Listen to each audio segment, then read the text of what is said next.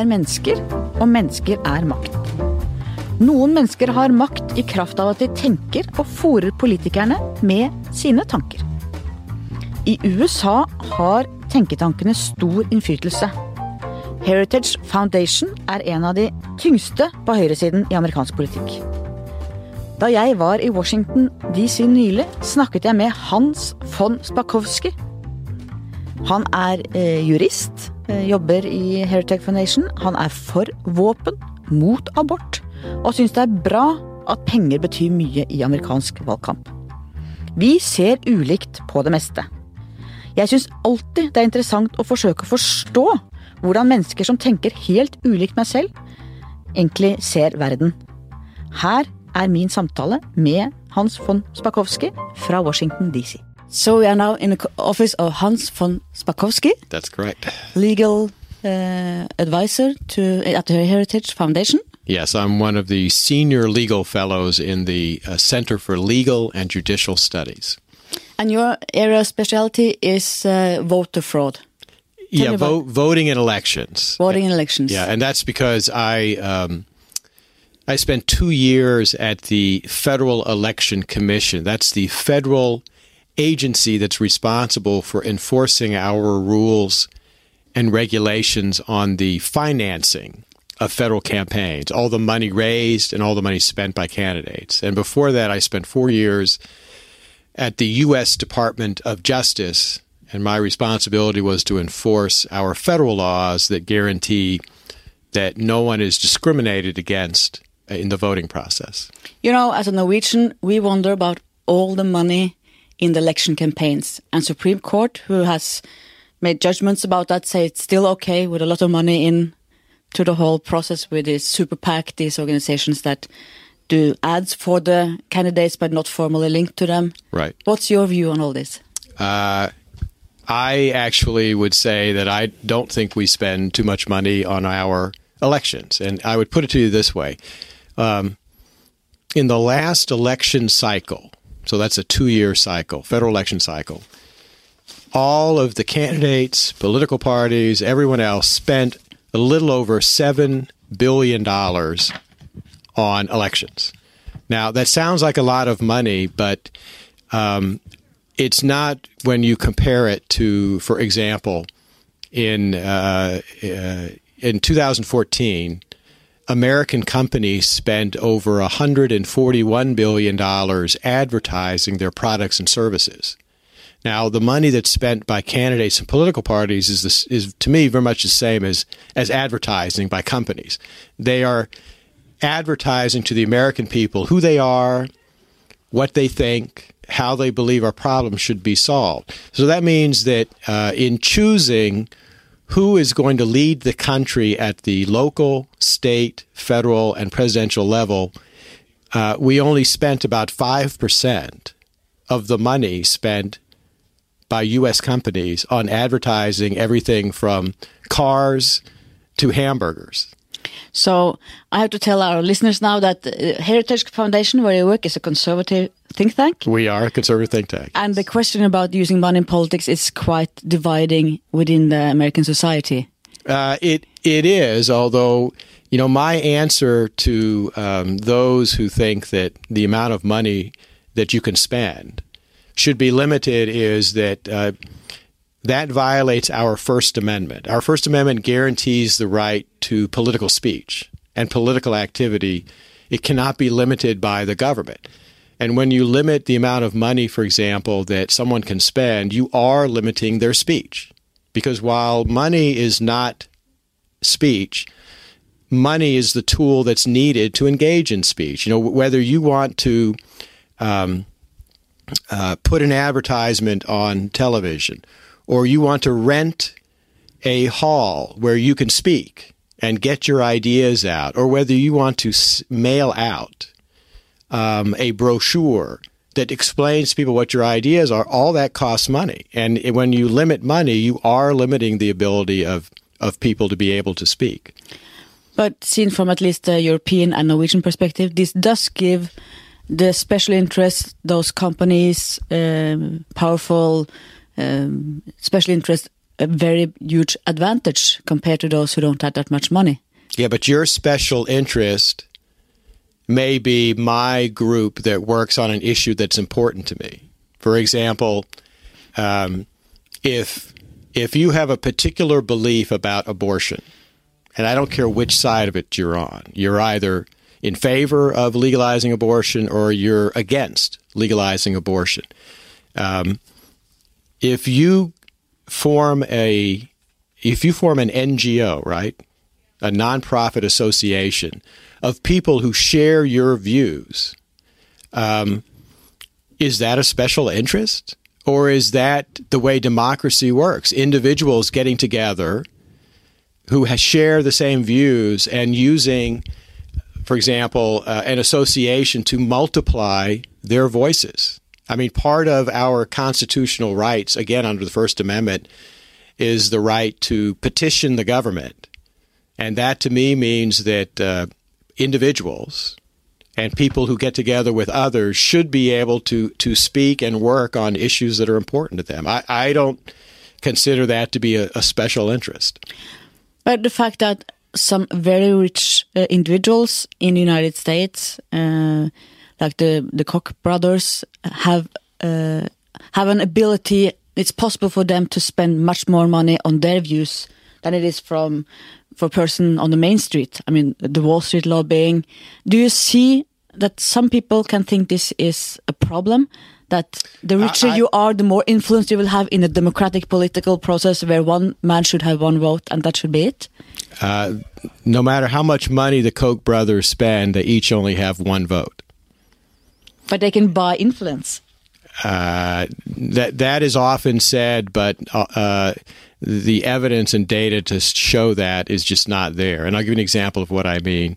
Um, not too long ago, a study was done in the United States of self funding candidates. In other words, these are candidates who are uh, multimillionaires and can pay for their political campaign all by themselves. And what what the study looked at is well, did they always win their elections because they had more money and could spend more than their candidates? The answer to that is no.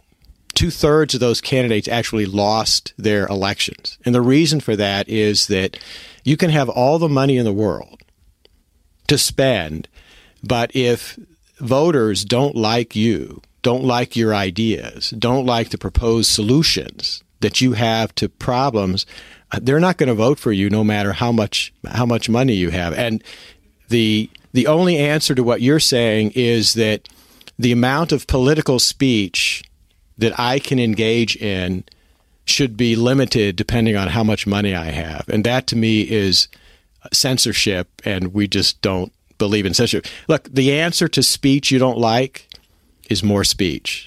Not to try to limit the speech of, of individuals. I see that on this issue we cannot at all build bridges between us because it's it's and from I think from a lot of people here in the United States and especially from Europe we feel that it's very wrong that you can be able to buy influence through uh, through giving money to politicians. At the same time, we have seen now Donald Trump and Hillary Clinton, where she has a lot of many more big donors than Trump actually has, and they have until all this this last week with all his. Uh, no, but you left. keep saying buying influence in the United States. The amount of money you can contribute to a candidate is limited. And that's why the super PAC thing, the thing that they go around these rules, has been a subject for Supreme Court. They're simply engaging in free speech. And if you don't like the fact that a particular super PAC is spending money on its own to get out a particular message, well, the answer to that is not bar them from speaking. The answer to that is you don't like their message. Well, then you organize your own group of of uh, donors and friends and others to counter that message. Um, that that's the way Americans have have always done things. I mean, for example, I'm very much in favor of our Second Amendment. I know Europeans don't like that, uh, but given what the experience, explain our listeners what is the Second Amendment. The Second Amendment, and why is it important to you? Yeah, the Second Amendment is the right written into our Constitution that Americans have the right to own guns. Um, I'm actually an immigrant. My mother was German. She grew up in Nazi Germany. My father was Russian. He escaped the communists twice.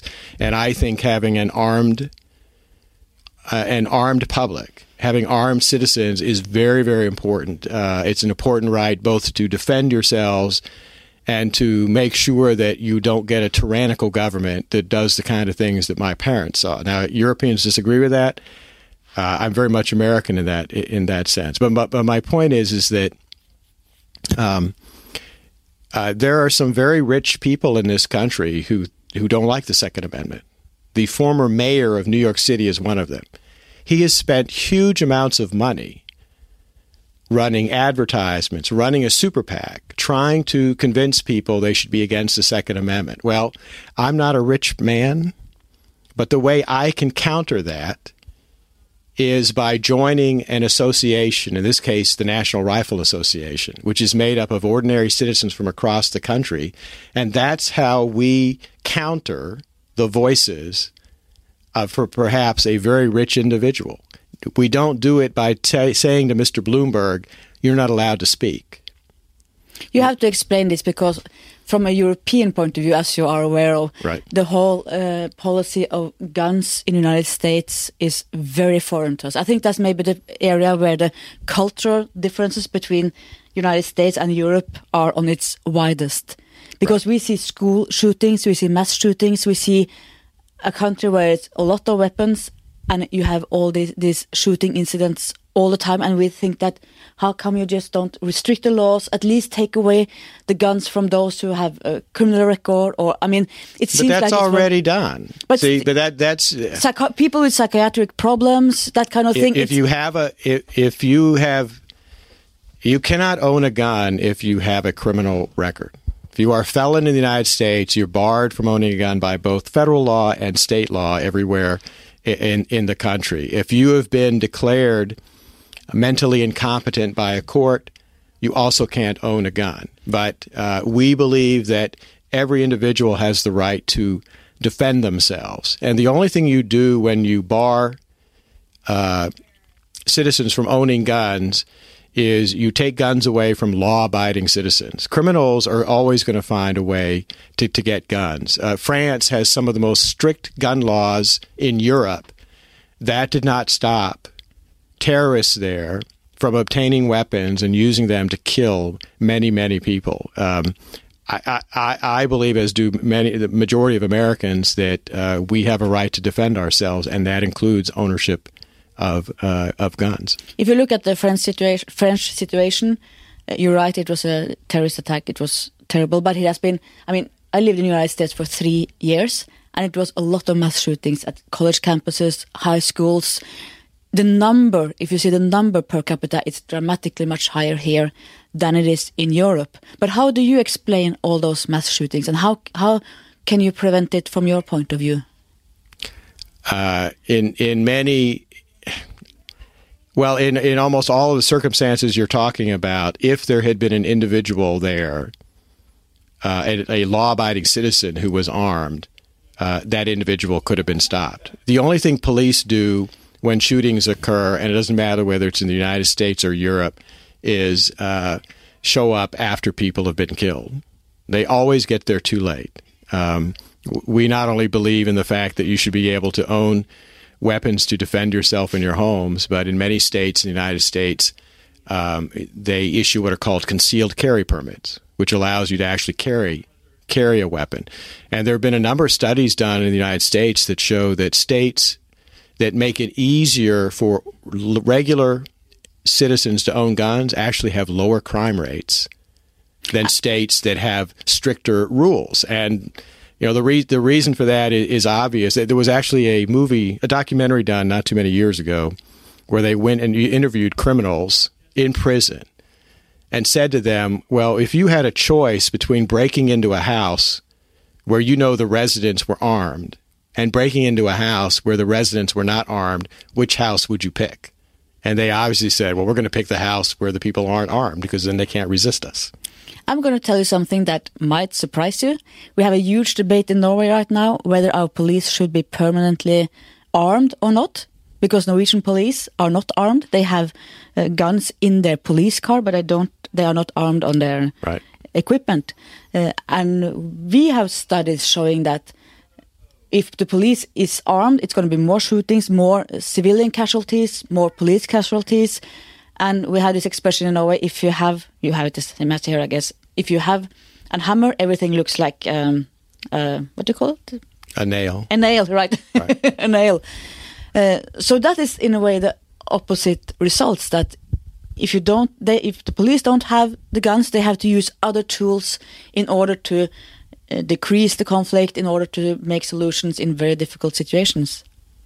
Well, I, I, I just I, the only response I have to that is that um, uh, in the United States there are studies showing that uh, guns are used defensively up to two million times a year to stop everything from rapes to burglaries to assaults to other things, and Americans uh, believe that they, they have a right to defend themselves. And the only way that will ever change is if uh, the Second Amendment is written out of our Constitution. And that would be very difficult to do because of a, ma- majority of Americans believe that way. So how do you explain this? You probably look at me now and us European as as very naive, and we look at you and I look at you now and thinking you have a totally different perspective. We see the Americans as uh, gun loving, and we really don't understand what's going on. How do you explain this divide in mindset, in culture? Well, I would uh, remind people of history, and if they do a little research, they'll find that the first, almost the first thing the Nazis did when they invaded countries and came into new cities was to confiscate the personal weapons of all the citizens in that town because they wanted the public to be defenseless against them. And Americans see things like that and say, "Well, we're not ever going to be defenseless." Now, we're not we're not facing an invasion anytime soon, but but the principle is there and is the same. And uh, guns have been part of our culture since our very beginning, and they will continue to do so because people have a very deeply ingrained view that uh, they have a right to defend themselves, and because unlike Europeans most Americans do not trust the government. That's true. We have a very high level of trust in the Norwegian Yeah, society. and and Americans Americans do not. Um, they see too often that uh, government bureaucrats always think they know better how to tell us how to run our lives, and um, we we don't like that, and we don't want uh, government having so much power to tell us what to do. So, which is the most divisive subject in the United States right now? Is it the gun policy or is it abortions? Actually, um, abortion abortion is still um, uh, creates controversy, but actually, um, a majority of Americans now believe that uh, abortion, uh, particularly in the later parts of a pregnancy, is is wrong. You know, there's still many Americans who think it's okay right towards the beginning, but What's um, your position on this? Can I ask that? yeah, I think I think abortion is immoral. And you know what? Do you know what the biggest thing is that has changed the views? There's been a steady trend of a change of views against abortion, and the biggest ch- reason for that change is medical technology.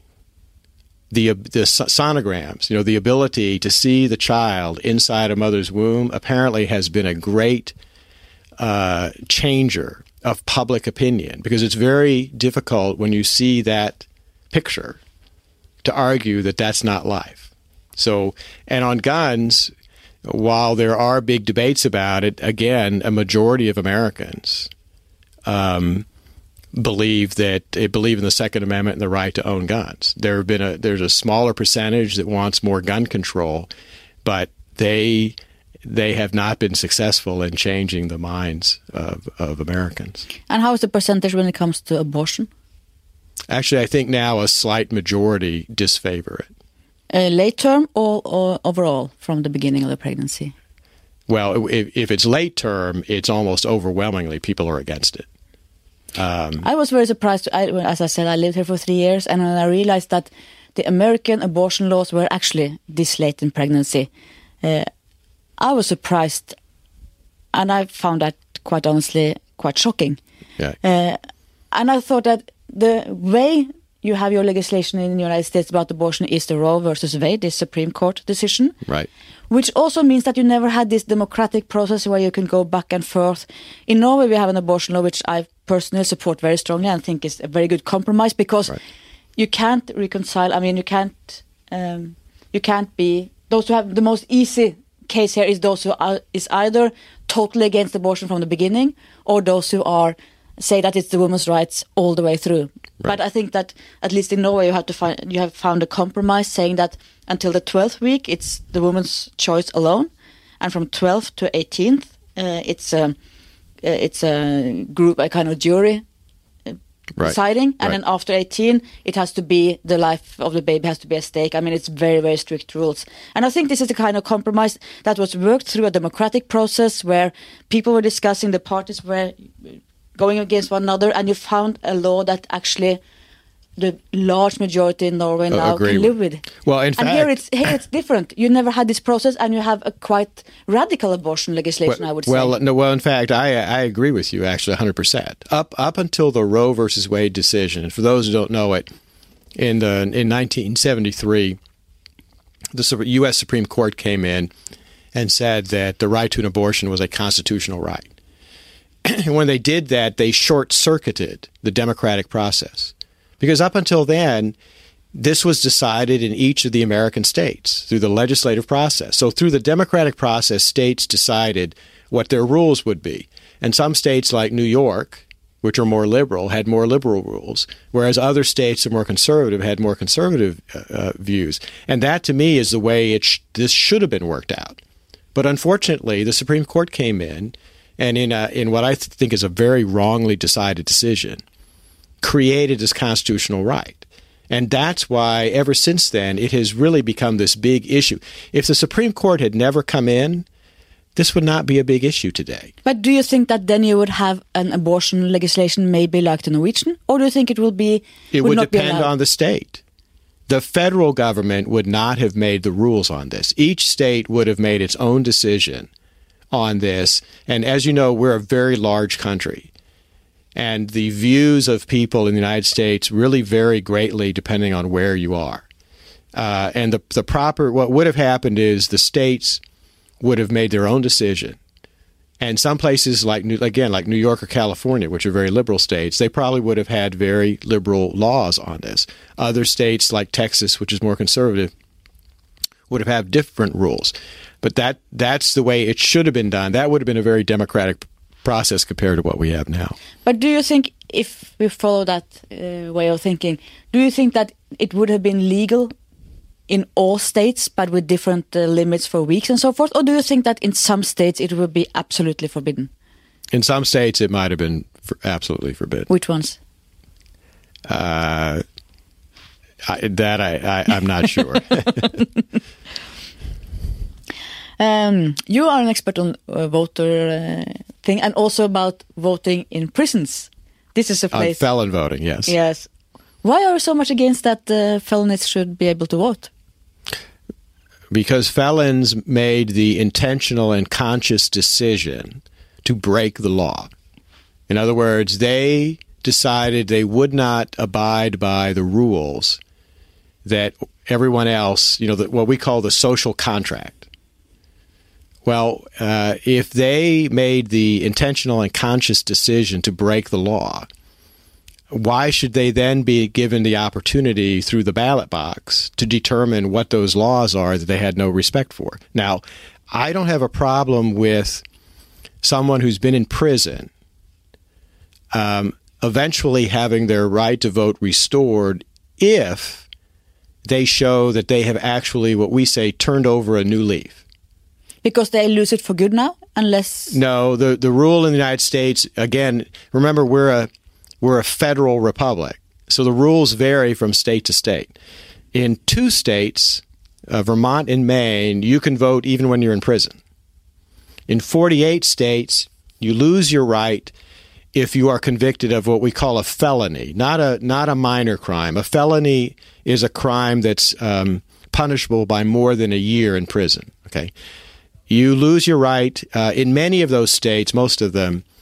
Uh, once you're out of prison and once you have completed any parole, you get your right to vote back automatically. But in a small number of states, such as Florida and Virginia, you actually have to apply. And in some states, you have a waiting period. I actually think a waiting period is a good idea. The reason being that um, the U.S. Justice Department has done studies, and they show that unfortunately, within three years, two thirds of felons are back in jail.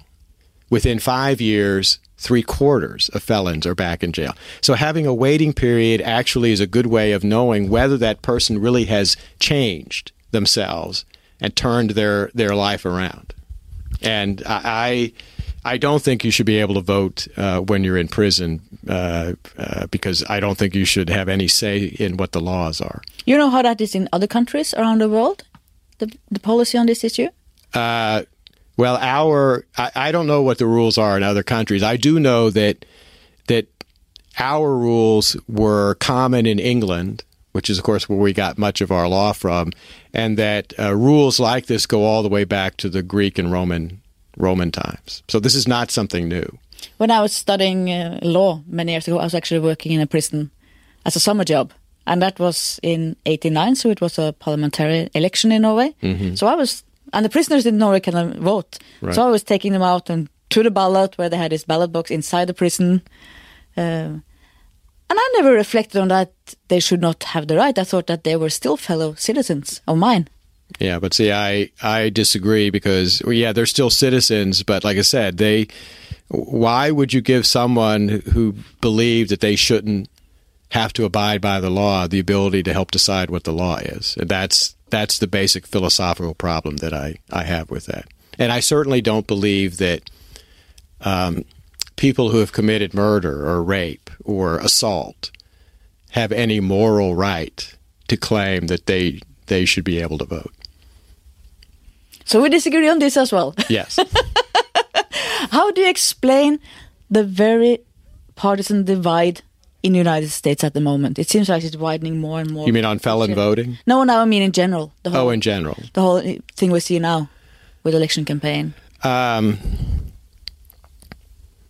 well, I think it's because we have very deep issues and problems facing us. You know, we, uh, our government uh, faces a mounting debt which could bankrupt the nation if it's not solved. Um, I think we face foreign dangers that are extremely great. In fact, I would say we're in the most dangerous period that we have been in 50 or 60 years.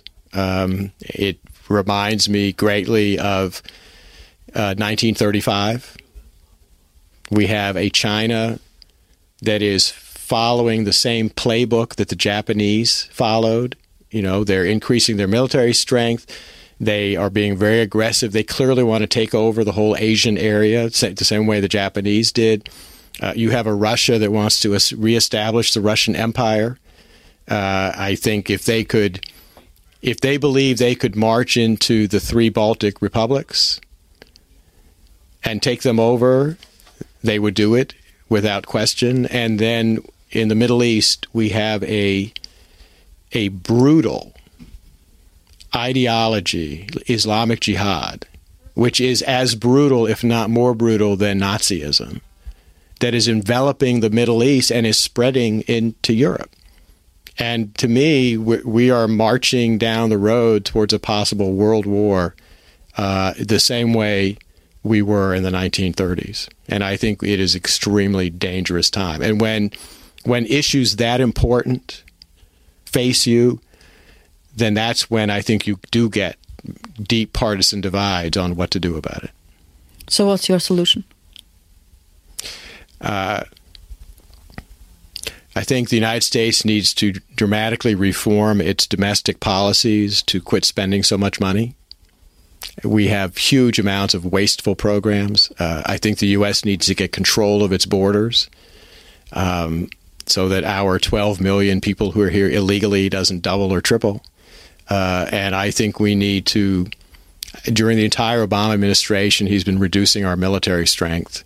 Uh, I think that needs to be rebuilt so that um, we can uh, hopefully be able to face and stop what others in the world want to do. You know, I, I think it was George Washington once said the, the best way the best way to avoid war is to be strong enough to fight one because when you do that then other people won't want to start a war but if you become weak then others see that you know why shouldn't they start a war So, and what about NATO in this? I mean, Norway is a NATO ally.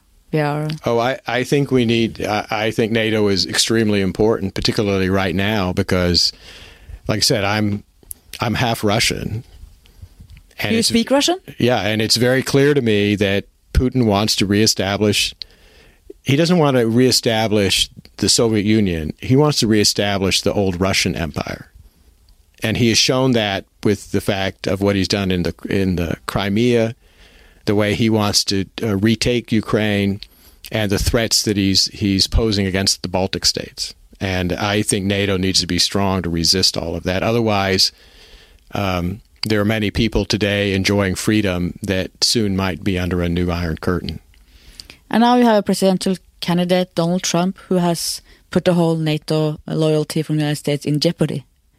Can Well, you I- understand that we are concerned about well, this? I you know I'm not going to defend Donald Trump, but I will say that I think what he, I think I think the real point that he has made, which I agree with, is that uh, other countries in NATO are not um, putting sufficient resources into military uh, and defense, and that uh, if they really want to defend Europe, particularly from Russian and other aggression, they have got to spend more money building up their, their military forces. I totally agree.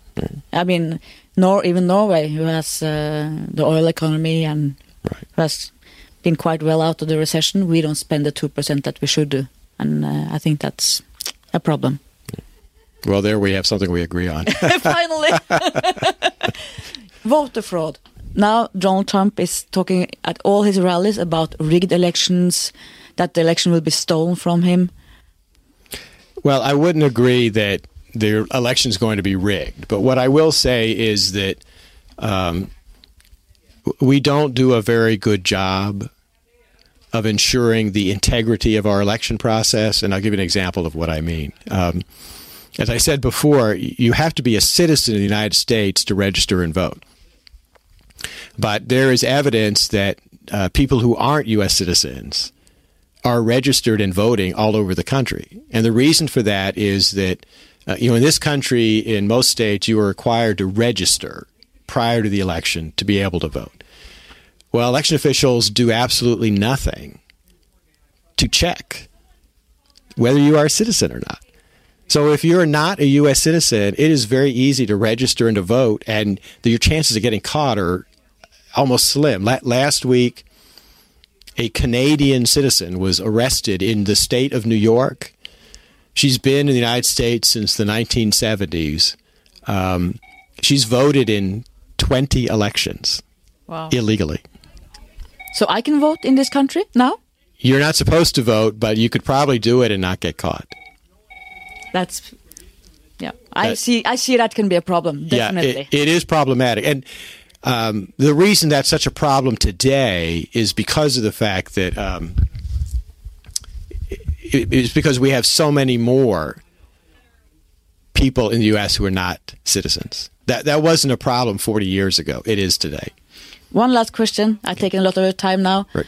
Uh, are you worried that if Hillary Clinton wins, and with Donald Trump, who has been talking about voter fraud, rigged elections, that his followers will be so angry? So it's going to be maybe not riots, but at least very big upheavals around in the in the United States. No, I, I, I don't. Um, if you look at all of the uh, rallies and things in support of him, there's been no, the only violence that has occurred at any Trump rallies has been by outsiders coming in attacking the the people for Trump. So no, I, I don't I don't see that. The, the only real violence we've had has been caused by the Black Lives Matter movement. I mean, they are the ones that have caused violence uh, all over the country, have encouraged attacks on police officers. It has not been it has not been people that, that support Donald Trump. So, final question. You don't have to answer if you don't yeah. want to. Who will you vote to on the 8th of November? Well, fortunately, uh, more than 100 years ago, we uh, we adopted the secret ballot in the United States. So I, I, am not going to say who I'm going to vote for. But will you vote? Or will oh, you yeah. Stay I, vote? I always vote. Yeah, so I will have a guess, but that's secret as well. Right. Thank you so much for taking your time. Sure, I'm happy to do it. Takk til deg som hørte på. Lik oss gjerne på iTunes, og del oss gjerne i sosiale medier. Takk til vår faste produsent, Magne Antonsen. Vi høres igjen neste uke.